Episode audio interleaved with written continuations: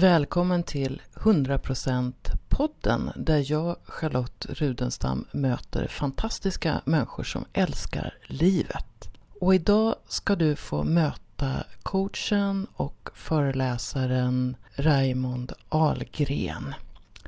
Han kom hit till mig i slottet och slog sig ner i fåtöljen och satt och småpratade lite medan jag kokade finkaffe till honom innan vi startade intervjun. Och Raymond Ahlgren är ingen eh, kärleksapostel. Han är någonting annat. Han vill väcka människor.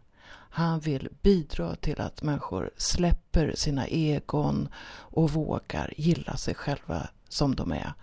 Och provokation tror jag är ett av hans verktyg. Och han använder uttrycket fuck you. Han bryr sig inte om vad andra tycker om honom egentligen. Och dit har han nått genom att hämta hem sig själv, skulle man kunna säga.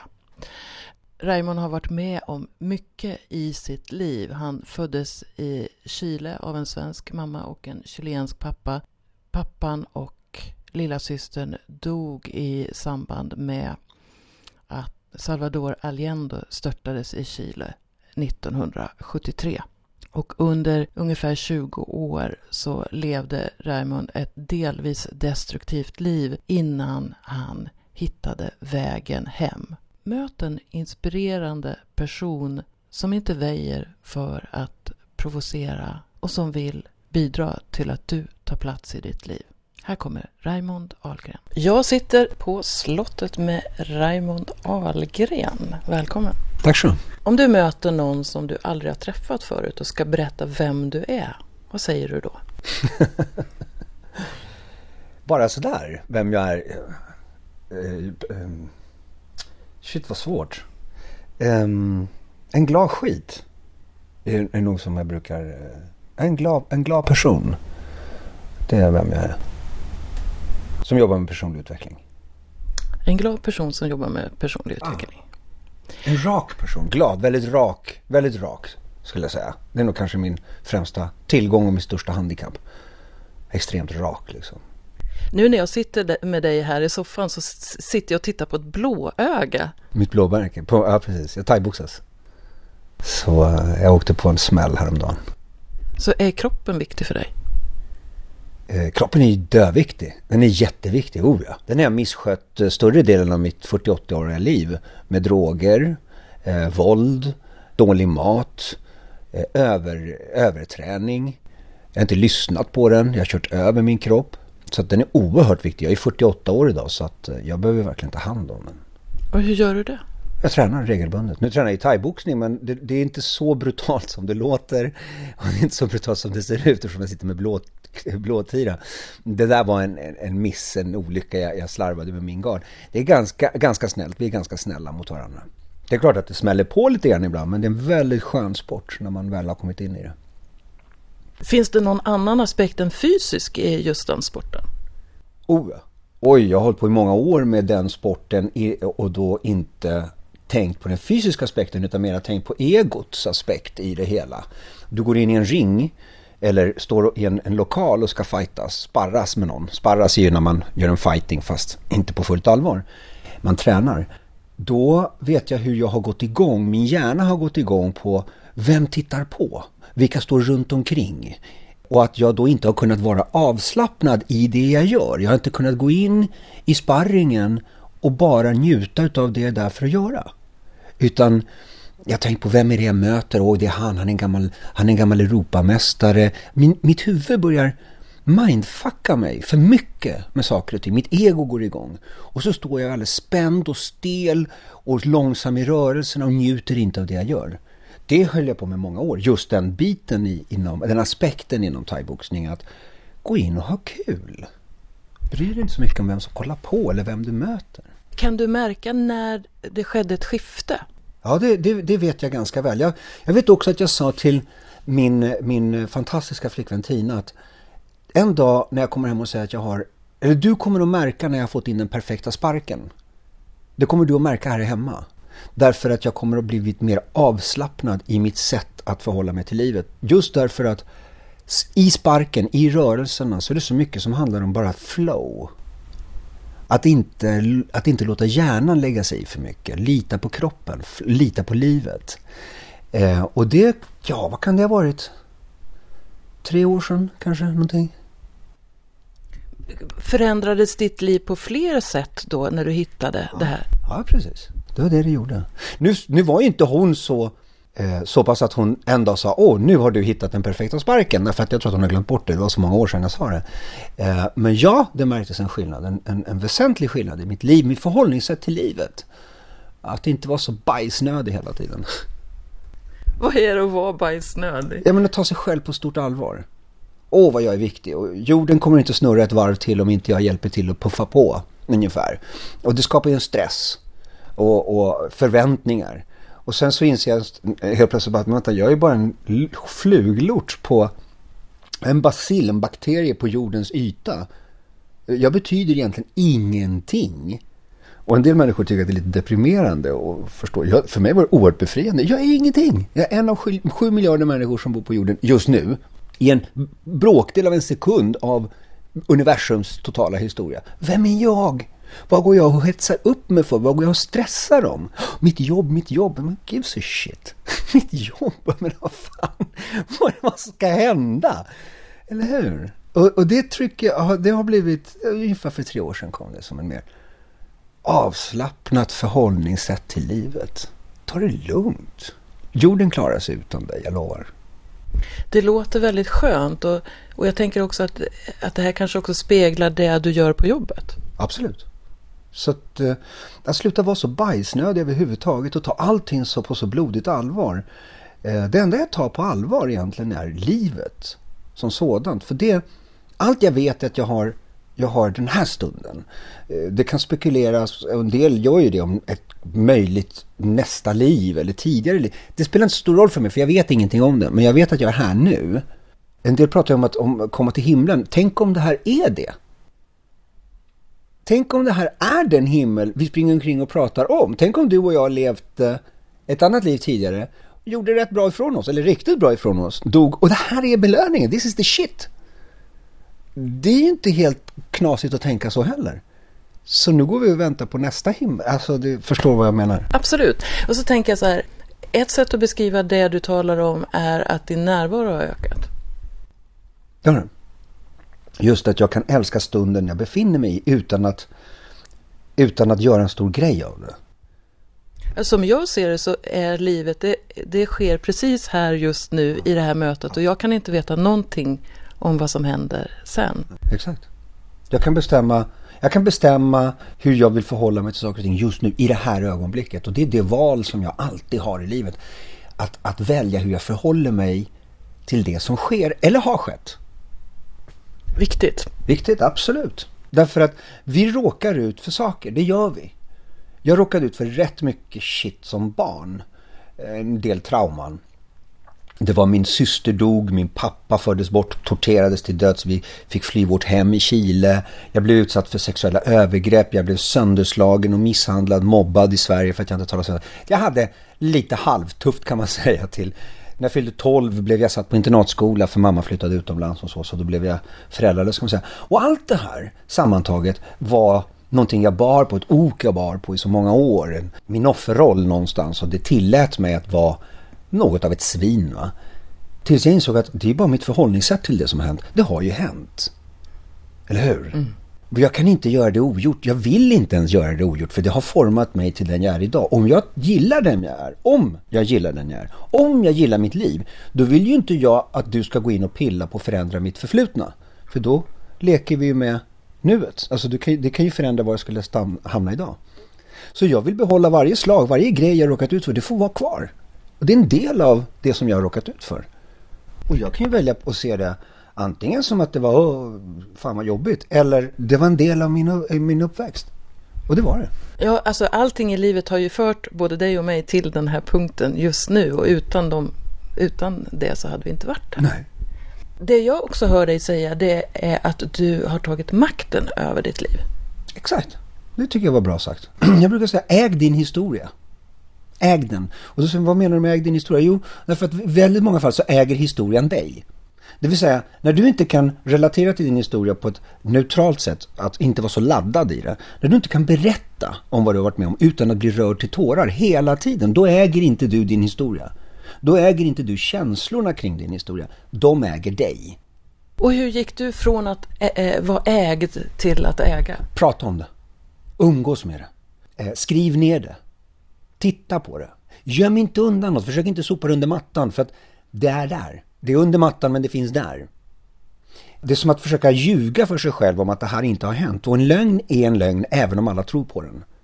Så när du sopar under mattan så finns det fortfarande där. Du kommer alltid att försöka pocka på din uppmärksamhet. Alltid. Så vad jag gjorde var att berätta om det. Jag stod på scener och berättade om det. Jag föreläste om det. Jag pratade om det. Den, den senaste poletten som trillade ner var just övergreppen, de sexuella övergreppen. Jag var 6-7 år när det hände. Och hur jag har förhållit mig till det, för jag har alltid vetat att det har skett. Men jag har liksom ryckt på axlarna lite åt att nej men det var nog inte så farligt på något sätt. Och sen så insåg jag att men det var precis vad det var. Det var så det var. Jag behöver inte göra det värre än vad det var. Heller. Jag behöver inte lägga in en extra växel på det utan ja men det hände. Ja. Och nu är jag här. Och nu kan jag prata om det. Och jag äger övergreppet. Det är det viktiga. Jag äger övergreppet. Övergreppet äger inte mig. Jag möter många människor som fortfarande ser sig som offer. Så att det är också som att de binder sin, sitt engagemang, sin energi i det som hände för, för länge sedan. Och då är det som att de får väldigt liten kraft att verka nu. Tänk att varje sak vi har råkat ut för, varje känslomässig sak, trauma eller positiv sak, är laddad med oerhörd energi. Det, det, kan vi hålla med om, eller hur? Alltså sorg, besvikelse, ilska likväl som glädje är laddad med en fantastisk mängd energi. Sen är det du och jag som springer omkring och sätter en etikett på det här. Bra eller dålig energi? Bra eller dålig upplevelse? Men det är du och jag som lablar det. Det är vi som envisas med att sätta etiketter på det. Om vi glömmer bort etiketten och bara kallar det för energi rakt av. Jag menar, du har säkert blivit så här tokförbannad någon gång och har känt att jag skulle kunna lyfta en bil nu, eller hur? Den energin, när du inte äger det som har hänt, när du inte äger traumat, övergreppet, när du inte äger din historia, då är den här energin vild i dig. Det är som att du håller en brandslang, tänk dig en sån här som brandmän har. Men du håller den tre meter ifrån munstycket. Tre meter ifrån själva mm, munstycket. Mm, du, inte har koll du har ingen kontroll. Den gör vad den vill. Den kommer att spraya runt oss åt alla håll och kanter. Det var jag för ett gäng år sedan. Det skvätte på allt och alla runt omkring mig. Jag hade ingen kontroll på det. Kraften fanns där. Men den skvätte åt alla håll.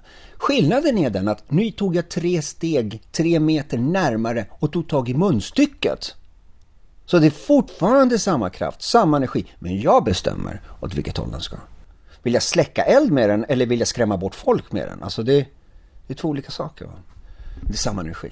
Alltså det låter så himla härligt för jag, jag, kan ju se, eh, jag kan tänka mig att det är en resa också från att den är på tre meters håll mm. och jag kan se hur den är som en orm som går åt olika håll och sen att du Mm. Att du långsamt, mm. långsamt kommer till att mm. du har kontroll på, på munstycket. För jag gissar att det gick inte sådär över natten. Nej, det gjorde det inte. Nej, det gjorde det inte. Jag har hållit på i tio år med personlig utveckling. Jag har, knark, jag bytt knark. Jag bytt, jag bytt mina missbruk som förut var eh, kvinnor, alkohol, droger, tabletter och så vidare till personlig utveckling.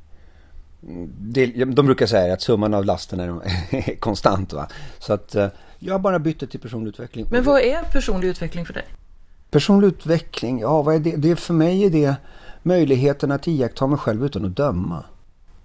Finns det några speciella rum för det som har varit eh, speciellt, eh, tjänat dig speciellt bra? Hur, hur menar du? Jag Nej. menar, är det, eh, när du säger personlig utveckling, du kanske har varit i speciella sammanhang eller är det mer att du har bestämt dig för att jag teraperar mig själv eller mm. har du haft hjälp på vägen? Jag, jag, hade, jag fick en bra kickstart, en fantastisk kickstart och då var det all, allting började för ungefär tio år sedan. Där en, en, en kille som hade varit hemma hos mig på nyårsafton Eh, som jag inte kände. Jag hade ett stort hus på Lidingö då. Så här, för säkerhets skull, du vet, jag var så tom inuti så jag behövde en enorm fasad. Så jag hade det här jättehuset fast jag var skild. Eh, och, och hade fina bilar på garageuppfarten, eh, garageuppfarten och så, hela, hela paketet. så den här killen hade varit på eh, nyårsfest hos mig. Så kom han, hade han glömt en kavaj så han kom tillbaka dagen efter och då satt vi och pratade lite grann. Och då fick han mig intresserad av en kurs som han skulle gå. Eh, ett seminarium som heter ISA. ISA, alltså Institute for Self-Actualization. Och jag sa, ja men jag går på det, jag lovar. Han bara, nej men du kan skriva på här på en gång. Och då hade han en sån här talong med sig. Jag bara, ah, vilken jobbig fan. Men ah, ja, ja, jag skriver på den, så lägger den på lådan sen, sa jag. Han bara, nej, jag kan ta den åt dig. alltså, han, var, han var skitjobbig.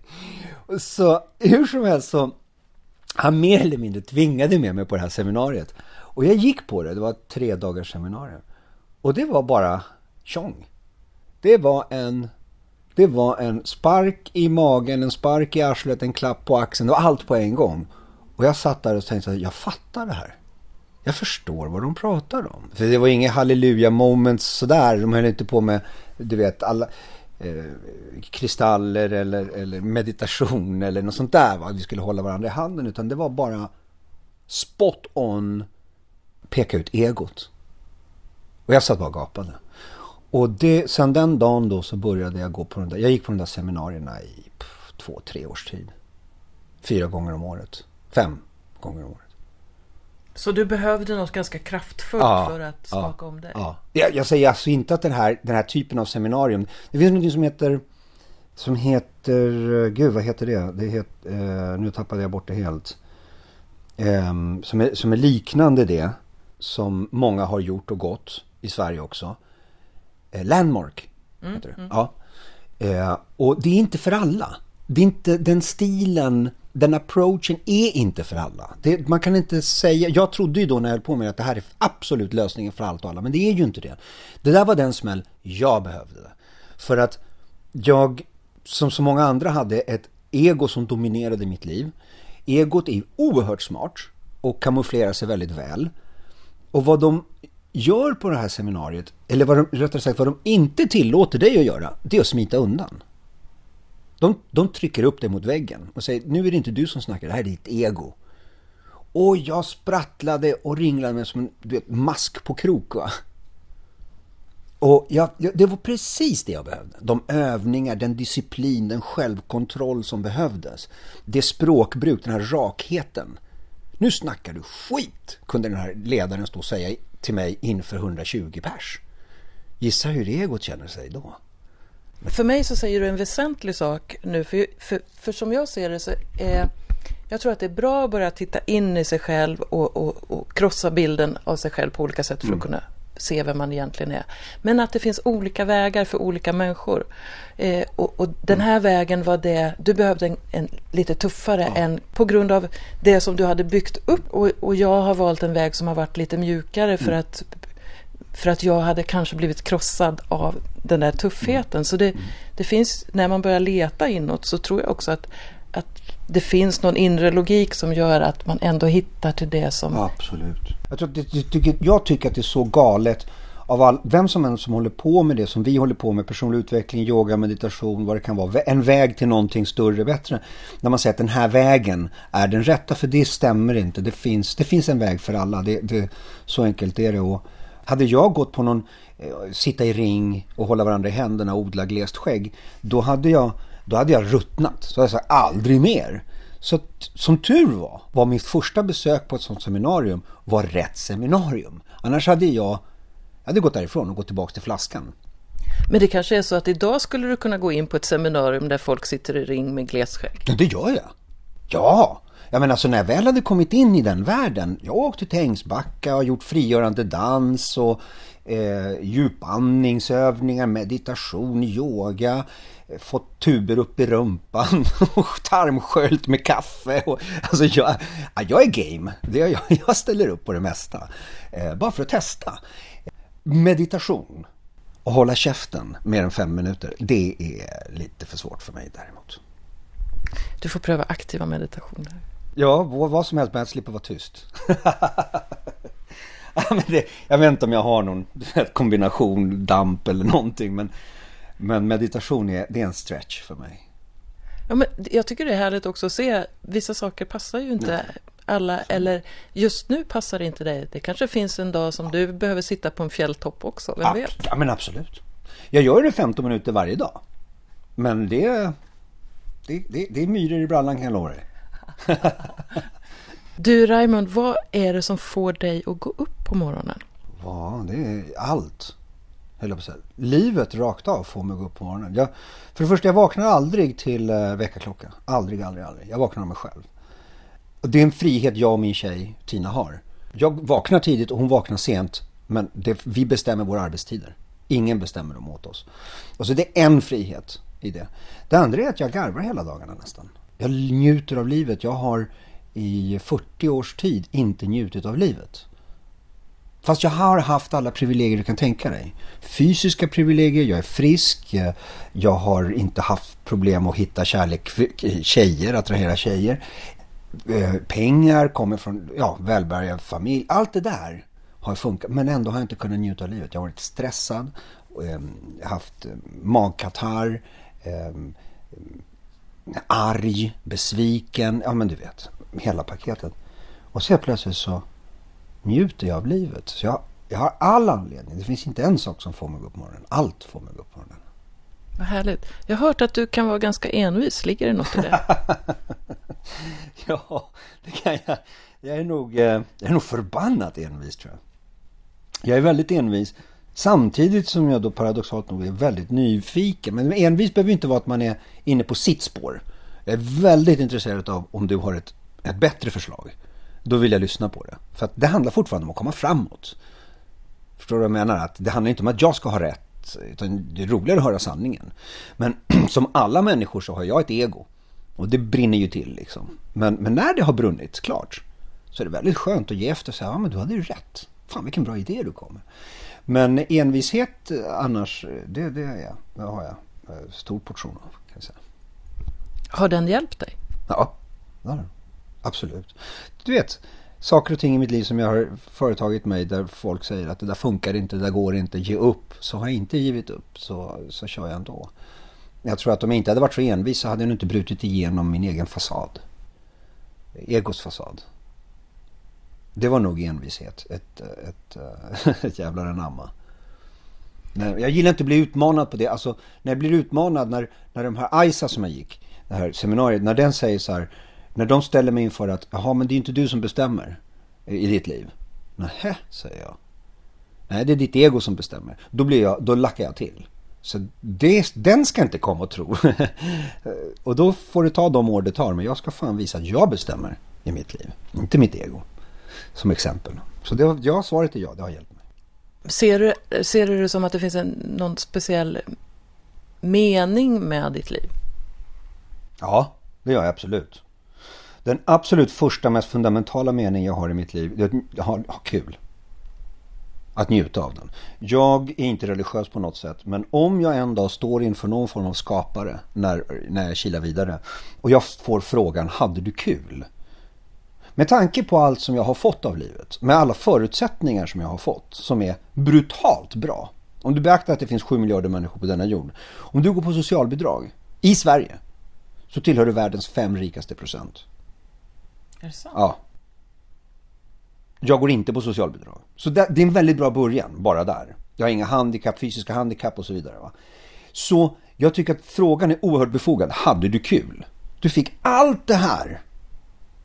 Hade du kul? Och då tänker jag fan i mig svara ja, det kan du tokhaja att jag hade. Jag hade skitkul. Så det är det första, det är det mest fundamentala. Det andra är att jag vill bli och vara den förälder som jag själv aldrig hade. Mitt jobb som förälder är att vara en bra förälder. Vad det nu innebär. Jag behöver inte gå in på det för det är ganska många saker men jag ska vara en, en fantastisk förälder till mina två barn. Det är ju egentligen det som är grejen. Och det tredje som har att göra med andra människor utanför min sfär så att säga. Det är att beröra folk. Och då menar inte jag beröra, beröra eh, på något eh, alltså specifikt behöver vara på ett kärleksfullt sätt. Skaka om folk. Få dem ur sin komfortzon. Jag är inte en kärleksprofet. Jag, prat, jag, jag gillar kärlek, jag, men jag inte, går inte omkring och pratar om den. Det är inte det som är grejen. Eh, utan jag pratar om vakna upp för helvete. Det är mitt budskap. Du sitter där bekväm och tror att du vet saker. Glöm det. Vakna upp. Se världen som den är. Byt glasögon. Det är min roll. Och varför det är min roll, varför det är det som är, är så att säga, min grej på jorden, det är därför att jag skiter i vad folk tycker om mig. Hur lyckades du släppa det? Därför att jag börjar tycka om mig själv. När du börjar tycka om dig själv, när du ökar din självkänsla och du, du håller på din integritet, du slutar prostituera dig själv. För det är någonting som vi är väldigt bra på. Vi prostituerar våra själar. Vi går till jobb vi inte tycker om för att vi tror att vi måste. Du måste ingenting. Jag sa ju just det. Om du går på socialbidrag tillhör du världens fem rikaste procent. Så vad fan måste du gå till? Ingenting! Och vilken insats du än gör på vilket jobb det än är så betyder det ingenting. Så lägg ner det. Det är, liksom, det, det, det är den biten det har, det har. Sluta prostituera dig själv. Du tror att du är i ett förhållande, ett äktenskap som du måste vara i. Och du kommer med den taskiga ursäkten att det är för barnens skull. Skitsnack! Du är där för att du inte vågar ta steget ut därifrån. Det är min roll, att knuffa på folk där. När du slutar prostituera dig själv, vilket jag gjorde, och slutar slå blå dunster och lögner i dig själv, självbedrägeri, och ser att, ah, jag vill ta hand om mig själv först. Om jag mår bra kan jag få andra människor att må bra. Då ökar självkänslan. Och när du tycker om dig själv så är det lätt att bli omtyckt också. För då alla människor säger, åh se mig, hör mig, älska mig. Och då säger jag, jag ska göra det. Jag ska se dig så snart du ser dig själv. Jag ska älska dig så snart du älskar dig själv. Men jag kan inte göra det när du inte gör det själv. Det går inte. För vem älskar man då? Ja men precis. Och hur vet du vad älska är? Vem har du övat på? Jag älskar mina barn, säger någon. Jaha, gör du? Men du älskar ju inte dig själv. Du kanske projicerar en bild på dina barn av det du tror är älska, som du har sett på bio, hört i kärlekssånger och hört andra människor säga. Men det stämmer ju inte. Är det det som är älska? Du curlar dina barn till exempel. Är det att älska? När du möter, om du kallar det klienter, eh, när du coachar människor så, och, och eh, hur vet du hur tuff du kan vara mot någon? Nej, det, vet, alltså, det är inte en fråga om det. Okay. min, min, min, det, är klart, det är klart att jag har ju... jag tar ju inte bara fram en stor slägga och klipper till. Men jag är jag, jag har min stil, jag har mitt sätt att coacha människor på. Eh, och det är mitt varumärke så att säga, utan att ha utan att ha format eller skapat det varumärket. Det är den jag är. Min ehm, Tina då, återigen, min tjej, hon, ibland har vi pratat om när Hon säger så här, men du kanske borde tänka på det. Jag bara, varför ska jag tänka på det eller det? Jag är den jag är. Jag vill ha att göra med de som vill ha den typ av coaching jag kan ge. Jag tänker inte hålla på att anpassa mig för det är att prostituera mig, igen. För vad? För att få fler klienter? För att tjäna mer pengar, vilket jag inte ens behöver. Nej, jag är den jag är. Jag svär på scenen. Jag kan peka finger. Det spelar inte mig någon roll. Jag står inte på scenen för att skapa och fixa kompisar. Jag har de vänner jag behöver. Jag är där för att beröra dig. Senast stod jag på Oscarsteatern inför, vad kan det ha varit, 750 personer och det var ju väldigt många slipsnissar där. Som inte är vana att det står en halvchilenare med spretigt hår och svär på scenen. Och jag bara ställer mig bredbent och pekar finger. Fuck you! Går ni igång på det? Då så, känn på den här. Fuck you! Varför går du igång på det? Det är ingenting personligt. Den typen av föreläsning berör mig mycket mer än om jag står och är politiskt korrekt. Så att nej, jag anpassar mig inte efter klienten utan eh, vill du ha mig så är det precis det här paketet du får. Jag sa, jag gjorde ju, ehm, jag har gjort två sommarprogram. Det senaste var 2008. Och vi fick uppgift att skriva en pressrelease, en presentation om oss själva inför det. Och då skrev jag det att ehm, jag umgås bara med vackra människor. Och jag menar då givetvis inte, eller givetvis, men jag menar faktiskt inte utseendemässigt alls överhuvudtaget. Jag menar vackra människor, de som förstår att där de står och går idag är resultatet av de val som de har gjort. Inte omständigheterna, politiken, eh, föräldrarna, lapplisor, vädret, vad fasen vi nu skyller på. Utan det är mina val som har fört mig hit. Det är en vacker människa för mig. En som förstår att det är jag som är ansvarig för mitt liv och de val jag har gjort. Och du sa att, vill du höra sanningen? Lyssna på mig då på vilken dag det nu var. Vill du ha medömkan? Köp en hund. det, ja, det väckte ju vissa reaktioner kan man säga, den pressreleasen. Men, eh, har du någon uppfattning om hur, hur stor del av eh, mänskligheten som, eh, som faktiskt gör det här? Som gör? Som, som är sig själva, som... Eh, oh, som, som, som, är genuina? Ja, som är vackra. Nej, jag kan inte säga. Den, den, frågan kan du svara på och lyssnarna kan svara på den lika väl som jag. Um, Eller jag ställer om frågan. Ja. Så här, har du en uppfattning om att det är att fler skulle behöva bli vackra människor? Ja, ja, alltså, ja, ja, ja visst. Jag tvekar på första frågan, första sättet du ställer frågan på.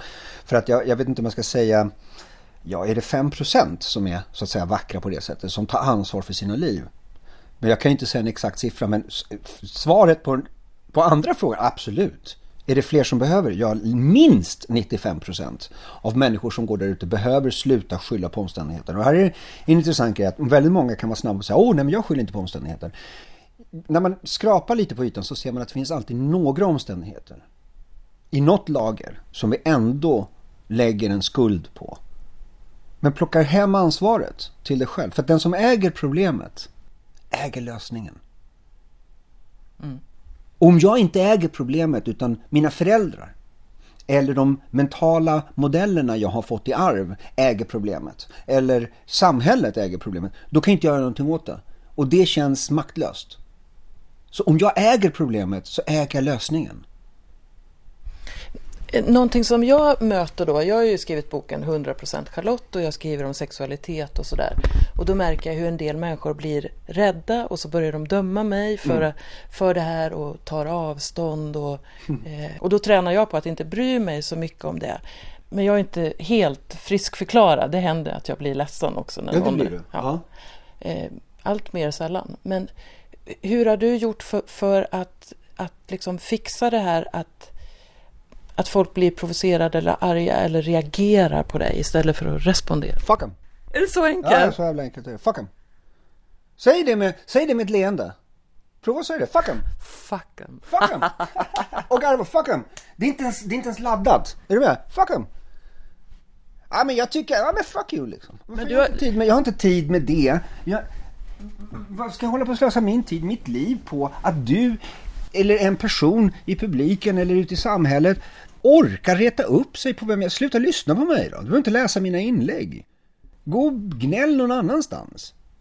Mitt liv är för kort för att hålla på och tramsa runt med tomtar som inte vill ta tag i sina liv. Fuck them!